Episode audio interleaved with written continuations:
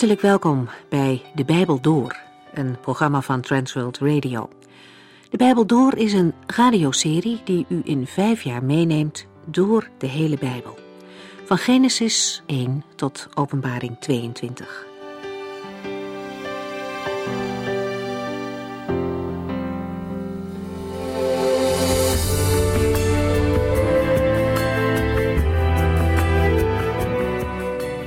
Welkom. Vandaag gaan we verder in 1 Samuel. Hoofdstuk 18 en 19 lazen we al. Daarin ontstaan verschillende relaties. David krijgt een permanente aanstelling aan het hof.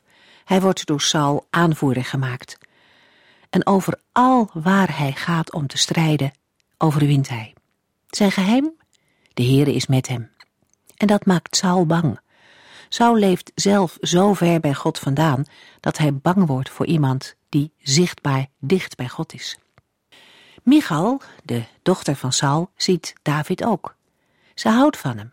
Dat staat er een paar keer expliciet. Zij is ook degene die Davids vrouw wordt. De vriendschap tussen Jonathan en David is natuurlijk heel bekend. Beide mannen hebben een hechte band. Die vriendschap zegt ook heel veel over Jonathans karakter. Eigenlijk zou hij de troonopvolger moeten zijn. Hij was toch de oudste zoon van de koning? Maar hij draagt de gevolgen van het ongeloof van zijn vader en hij zal het koningschap niet erven. En toch weerhoudt dat Jonathan er niet van om een goede vriend voor David te worden. Hij erkent de leiding van de Here in deze dingen en hij voegt zich daarnaar. Saul doet dat niet. Hij probeert op allerlei manieren om van David af te komen. Het zijn vaak de kinderen van Saul die David helpen om te ontkomen aan de aanslagen van Saul. En naast deze mooie vriendschappen vermeldt de Bijbel ook dat alle mensen uit Juda en Israël van David hielden. Hij was iemand die voorop ging in de strijd en ook weer terugkwam. David was geen man die anderen het vuile werk liet opknappen. Hij maakte zich er niet vanaf. Hij bleef niet, zoals Saul eerder deed, onder een boom zitten terwijl er gevaar dreigde. De mensen zagen dat en ze erkenden dat ook. Het is voor mensen die in de frontlinie van het christendom staan belangrijk om de steun van een achterban te hebben en die ook te merken. Denk maar aan evangelisten en voorgangers.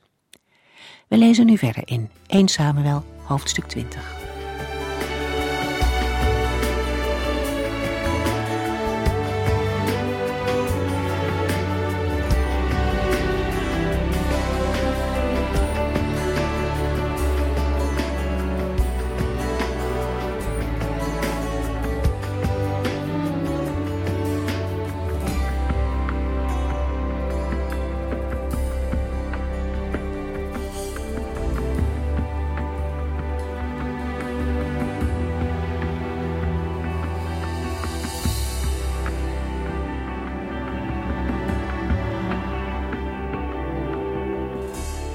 Vorige uitzending hebben we gelezen hoe David is weggevlucht uit Najot en naar Jonathan is gegaan.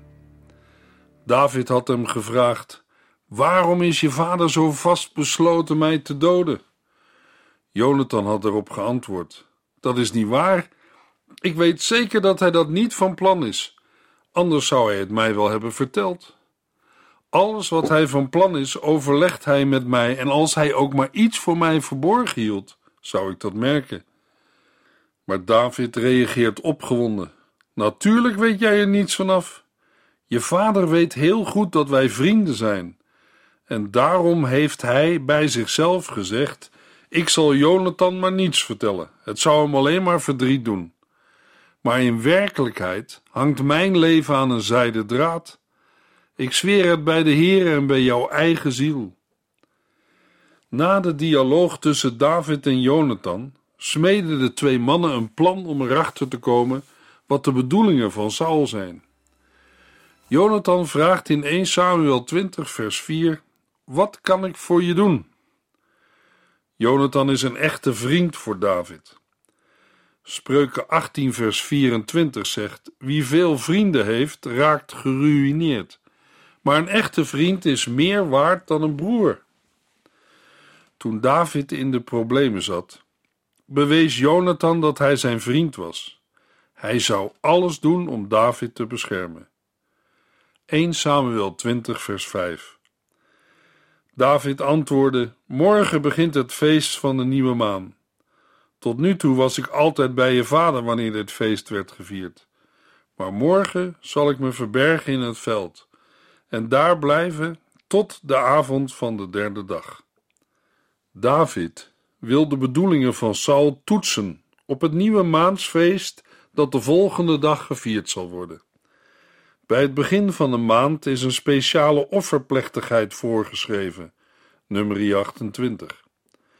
Omdat David een hoge beambte aan het hof van Saul is, moet hij tijdens de offermaaltijd plaatsnemen naast de koning. De offers worden niet expliciet genoemd, maar ze zullen wel zijn gebracht. Het was in die tijd niet ongewoon om samen met de familie offerfeesten met offermaaltijden te houden. David vraagt Jonathan of hij zich tot de avond van de derde dag kan verschuilen in het veld. Als Saul hem mist, moet hij zijn vader meedelen dat David afgereisd is naar Bethlehem voor het jaarlijkse offerfeest van zijn familie. 1 Samuel 20, vers 6 en 7.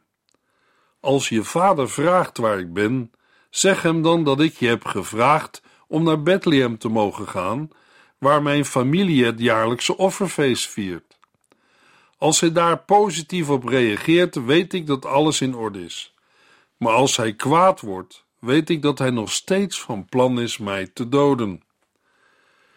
De reactie die Saul geeft over het vertrek van David zal bepalend worden voor de inschatting van de situatie. 1 Samuel 20, vers 8. Doe dit voor mij als een gezworen broeder in de Heere. Dood mij anders zelf als ik tegen je vader heb gezondigd, maar verraad mij niet aan hem. David doet een beroep op de vriendschap van Jonathan. Hij verwijst naar het verbond dat tussen hen is gesloten. Ten slotte vraagt David Jonathan hem niet te verraden aan zijn vader. 1 Samuel 20, vers 9 tot en met 17. Natuurlijk niet, reageerde Jonathan verontwaardigd. Ik zou het je toch wel vertellen als ik zeker wist dat mijn vader van plan was je te doden? Daarop vroeg David: Hoe kom ik te weten wat je vader met mij van plan is? Kom met me mee het veld in, antwoordde Jonathan. En samen gingen ze op weg. Toen zei Jonathan tegen David: Ik beloof bij de Heere, de God van Israël, dat ik morgen om deze tijd of op zijn laatst overmorgen met mijn vader over jou zal spreken. Ik zal je meteen laten weten hoe hij over je denkt. Als hij boos is en wil dat je wordt gedood, mag de Heere mij doden als ik het jou niet vertel, zodat je kunt vluchten om je leven te redden. Mogen de Heere met je zijn, zoals hij eerst met mijn vader was. En onthoud dat je de liefde en de vriendschap van de Heere niet alleen aan mij betoont tijdens mijn leven, maar ook aan mijn kinderen, nadat de Heere al je vijanden heeft vernietigd. Zo sloot Jonathan een verbond met de familie van David.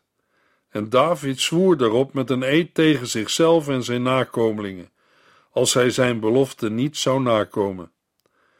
Maar Jonathan liet David opnieuw zweren, en nu bij zijn liefde voor hem, want hij hield evenveel van hem als van zichzelf.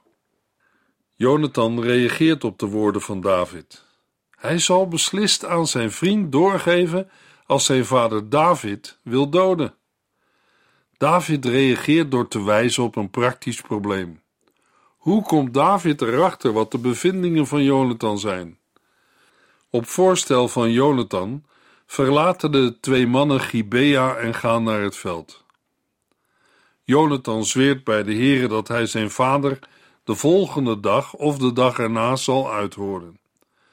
Als de situatie er voor David goed uitziet, zal Jonathan hem een boodschap sturen. Dan spreekt Jonathan opnieuw een eed uit. Hij zegt dat de Heere hem mag doden als hij dat niet aan David doorgeeft en er niet voor zorgt dat hij veilig kan ontkomen. Na de eed spreekt Jonathan een zegenwens uit over David. Hij wenst hem toe dat de zegen van de Heere op dezelfde wijze op hem mag zijn als hij ooit op zijn vader was. Daarmee erkent Jonathan indirect het koningschap van David. Daarna vraagt Jonathan aan David hem de barmhartigheid van de Heere te bewijzen als hij koning is geworden. In die tijd was het niet ongebruikelijk dat de hele familie van de vorige koning werd omgebracht. Jonathan vraagt om die barmhartigheid niet te beperken tot hemzelf, maar ook te betrekken op zijn familie. Later geeft David gehoor aan dit verzoek door Mephiboset, de zoon van Jonathan, te sparen. 2 Samuel 9. Zo sluit Jonathan een verbond met het huis van David. Vervolgens laat Jonathan David zweren bij zijn liefde voor hem, want hij hield evenveel van hem als van zichzelf. In de versen 18 tot en met 40 wordt het vervolg en de afloop van het plan beschreven. Omdat Jonathan als beste vriend van David in de gaten zou worden gehouden, moesten ze buitengewoon voorzichtig zijn. Na zich de eerste drie dagen te hebben verstopt, moest David naar de schouwplaats bij de steen van Haezel gaan. Daar zal Jonathan dan ook naartoe komen en drie pijlen naar de steen schieten. Dat zou hem niet verdacht maken omdat boogschieten bij hem als soldaat hoorde. David zou zich verbergen in het veld. Jonathan zou het veld ingaan met zijn wapendrager en de pijlen afschieten. 1 Samuel 20, vers 21 tot en met 23. Als je mij tegen de jongen die de pijlen ophaalt hoort zeggen: Ze liggen aan deze kant, dan bedoel ik dat alles in orde is en dat geen moeilijkheden zijn te verwachten. Kom dan gerust tevoorschijn. Maar als ik tegen hem zeg: Doorlopen, ze liggen nog verder weg, dan wil dat zeggen dat je onmiddellijk moet vluchten. En mogen de Heer ervoor zorgen dat wij onze belofte aan elkaar houden, want Hij is onze getuige geweest. Het vervolg van de geschiedenis laat zien dat David zich verbergt in het veld. Bij het begin van het feest van de nieuwe maan zat Saul tijdens de maaltijd op zijn gewone plaats tegen de muur. De plaats van David blijft leeg. In eerste instantie zegt Saul er niets van, maar als Davids plaats de volgende dag weer leeg blijft, vraagt hij aan Jonathan: Waarom is David vandaag niet bij de maaltijd gekomen? Jonathan antwoordde: Hij vroeg mij of hij naar Bethlehem mocht om het offerfeest van zijn familie bij te wonen. Zijn broer wilde graag dat hij erbij was, en daarom heb ik hem toestemming gegeven. 1 Samuel 20, vers 29. Op zichzelf is dit een sterk argument, want een jaarlijks offerfeest binnen de familie is belangrijker dan een offermaaltijd van een relatief onbelangrijk feest als Nieuwe Maan. Maar voor Saul is het onaanvaardbaar.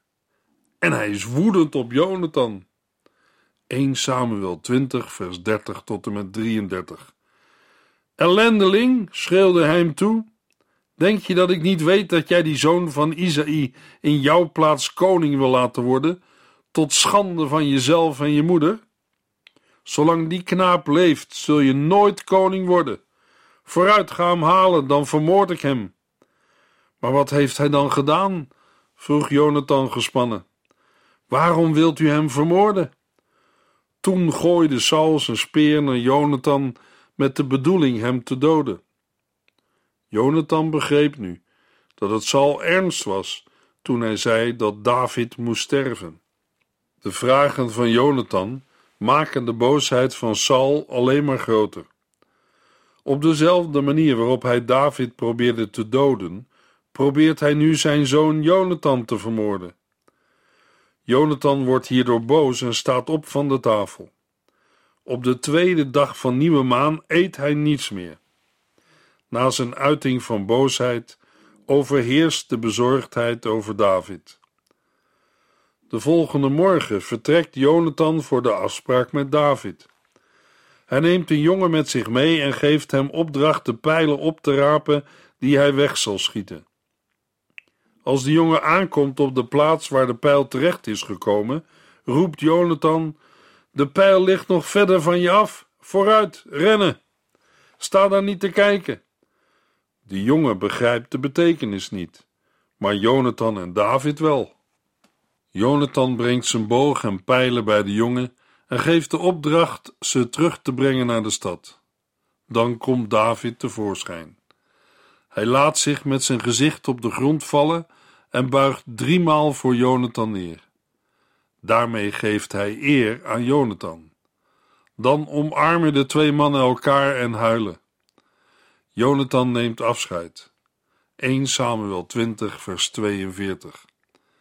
Ten slotte zei Jonathan tegen David: Vooruit, ga nu maar op weg en laten we de moed niet verliezen, want we hebben elkaar en onze kinderen in Gods handen gelegd. Zoals Jonathan groot was in zijn onderwerping aan David, mag een gelovige groot worden in zijn of haar onderwerping aan Jezus Christus. God heeft aan jou en mij vriendelijkheid bewezen ter wille van de Heer Jezus Christus. Het is niet om wie wij zijn of wat we gedaan hebben dat Hij ons redde. Onze redding komt er vanwege wie Christus is en wat Hij voor ons heeft gedaan. Want God heeft zoveel liefde voor de wereld, dat Hij Zijn enige Zoon heeft gegeven, zodat ieder die in Hem gelooft niet verloren gaat, maar eeuwig leven heeft. Johannes 3, vers 16. 1 Samuel 21, vers 1. Zo kwam David in de stad Nop terecht, waar hij de priester Achimelech opzocht. Toen de priester David tegemoet liep, begon hij te beven. Waarom bent u alleen? vroeg hij. Waarom is er niemand bij u? Terwijl Jonathan is teruggegaan naar Gibea, gaat David zuidwaarts en arriveert hij in Nop, de plaats waar de tabernakel zich op dat moment bevindt. Volgens Jesaja 10 ligt Nop ten noorden van Jeruzalem. Dat de tabernakel er moet staan, blijkt uit de aanwezigheid van de toonbroden.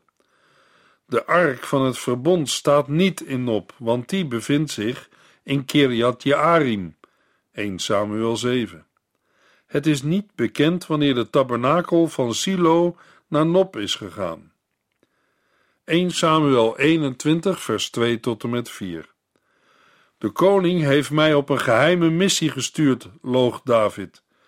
Hij verbood mij ook maar iemand te zeggen waarvoor ik hier ben. Ik heb mijn mannen opgedragen zich later op een afgesproken plaats bij mij te voegen.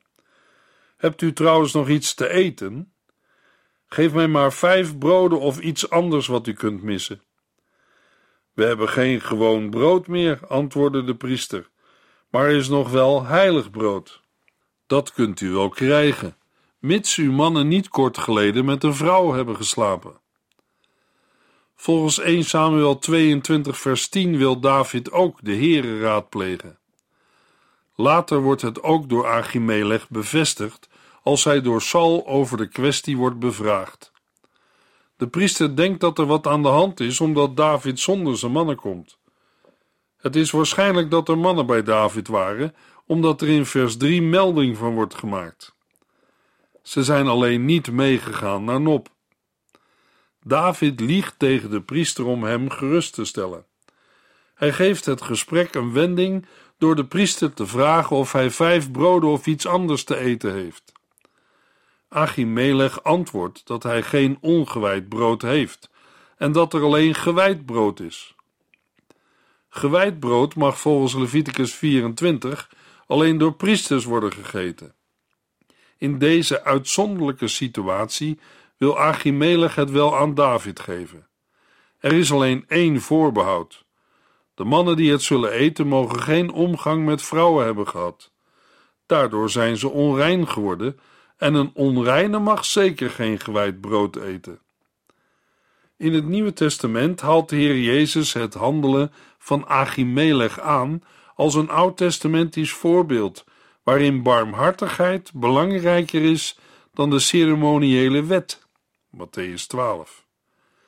Achimelech handelt in overeenstemming met de geest van de wet en laat geen slaafse navolging van de wet zien.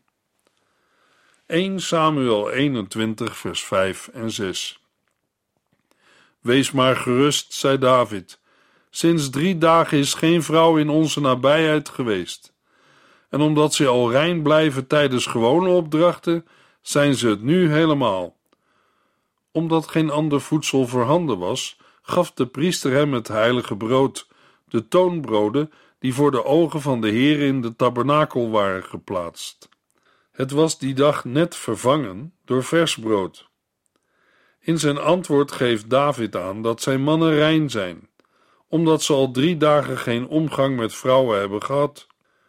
Een argument tegen het overhandigen van de heilige broden kan volgens David liggen in het feit dat hij bezig is met een niet gewijde expeditie. Maar dit is geen gewone opdracht. Daarom kan Abimelech gerust de toonbroden meegeven en David en zijn mannen kunnen ervan eten.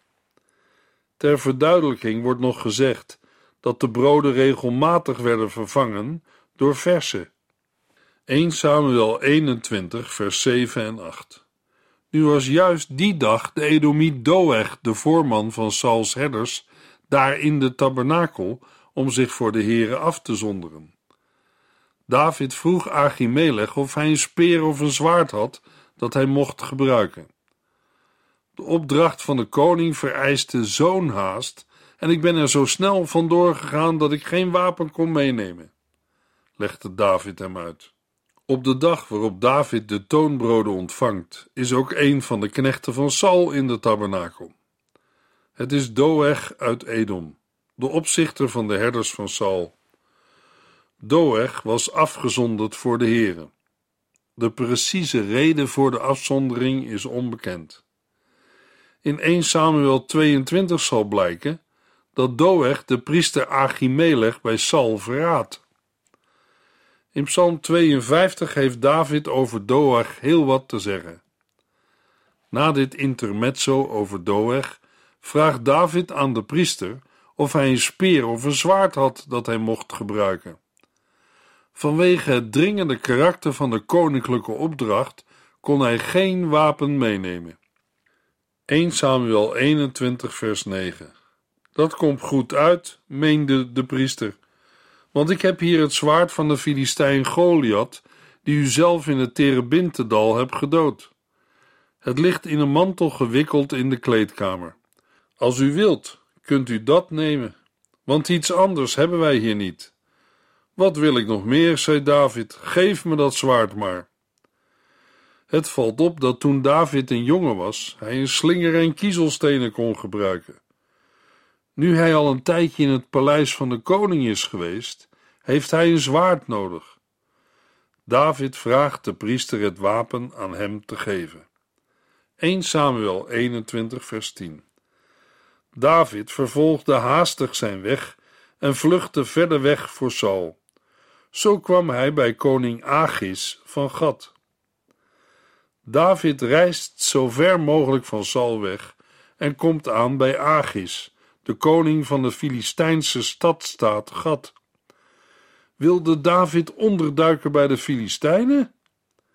Het lukt in ieder geval niet, want hij wordt door de officieren van Agis herkend. 1 Samuel 21, vers 11. Is dit niet David, de koning van Israël? Hij is toch degene voor wie het volk toen de tijd danste en over wie het zong: Saul heeft duizenden verslagen en David tienduizenden. Het is opmerkelijk dat ze hem omschrijven als de koning van Israël. Blijkbaar ervoeren deze officieren David als de ware koning van de Israëlieten en zagen ze hem als een bedreiging. Ze herinneren zich de spreekkoren onder de vrouwen van Israël. 1 Samuel 21, vers 12 en 13. David hoorde deze opmerkingen en was bang voor wat koning Agis hem zou doen. Daarom trok hij een idioot gezicht en deed alsof hij gek was. Hij krabde aan de deuren en liet zijn speeksel langs zijn baard lopen. David laat de woorden van de knechten van Agis tot zich doordringen en wordt bang voor de Filistijnse koning. Hij staat nu werkelijk met zijn rug tegen de muur. Daarom doet hij of hij gek is en gedraagt zich als een razende.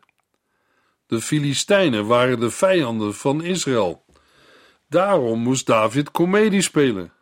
Anders was het mogelijk slecht met hem afgelopen. Hij speelde een waanzinnige, een thema dat ook later in de literatuur weer opduikt. Denk aan het toneelstuk van William Shakespeare, de tragische geschiedenis van Hamlet, de prins van Denemarken. Hamlet moest hetzelfde doen om te voorkomen dat hij werd omgebracht. 1 Samuel 21, vers 15. Waarom brengen jullie mij een waanzinnige? Die hebben we zelf al genoeg. Wat moet ik met zo'n kerel in mijn huis?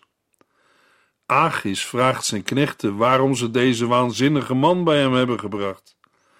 Hij zegt: Die hebben we zelf al genoeg. Wat moet ik met zo iemand in mijn huis? Zo werd David gered van de dood bij de Filistijnen. Later zal hij van die verlossing getuigen in Psalm 34. In Psalm 34, vers 8 zegt David: De engel van de Heere staat hen die ontzag voor hem hebben, altijd bij en verlost hen. 1 Samuel 21 beschrijft een donkere periode in het leven van David, waarin hij alleen staat. Hij is geen onberispelijk mens, want hij beweert dingen die niet waar zijn, en dat heeft ernstige gevolgen. Later erkent David dit ook. Davids bekwaamheid als leider wordt zichtbaar in de wijze waarop hij inspeelt op de hachelijke situatie bij Agis. In Psalm 34 en Psalm 56 schrijft David zijn redding niet toe aan eigen slimheid, maar aan de Heere. Christenen mogen weten dat Christus in alle omstandigheden bij hen is.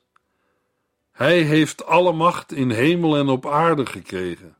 En hij zegt: Ik ben altijd bij u, tot het einde van de tijd. Matthäus 28. In de volgende uitzending lezen we 1 Samuel 22 en 23.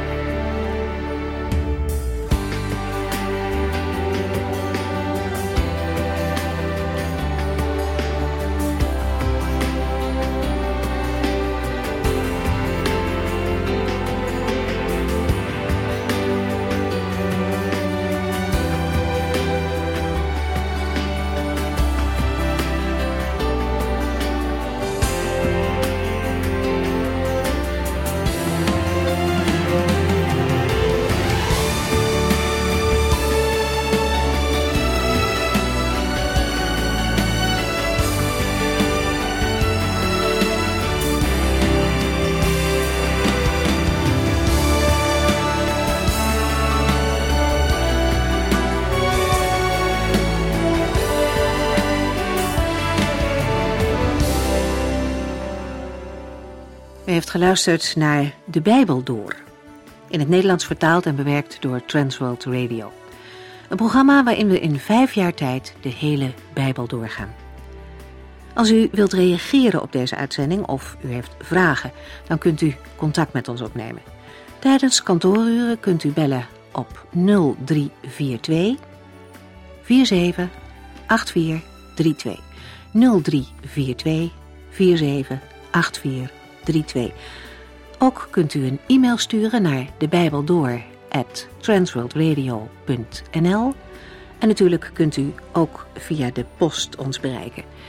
TWR, postbus 371, postcode 3770, AJ in Barneveld. Dit programma werd gepresenteerd door Cor Weda en Ike André. Techniek was in handen van Odin van Woerdekom. En wij allemaal bedanken u voor het luisteren. Graag tot de volgende keer.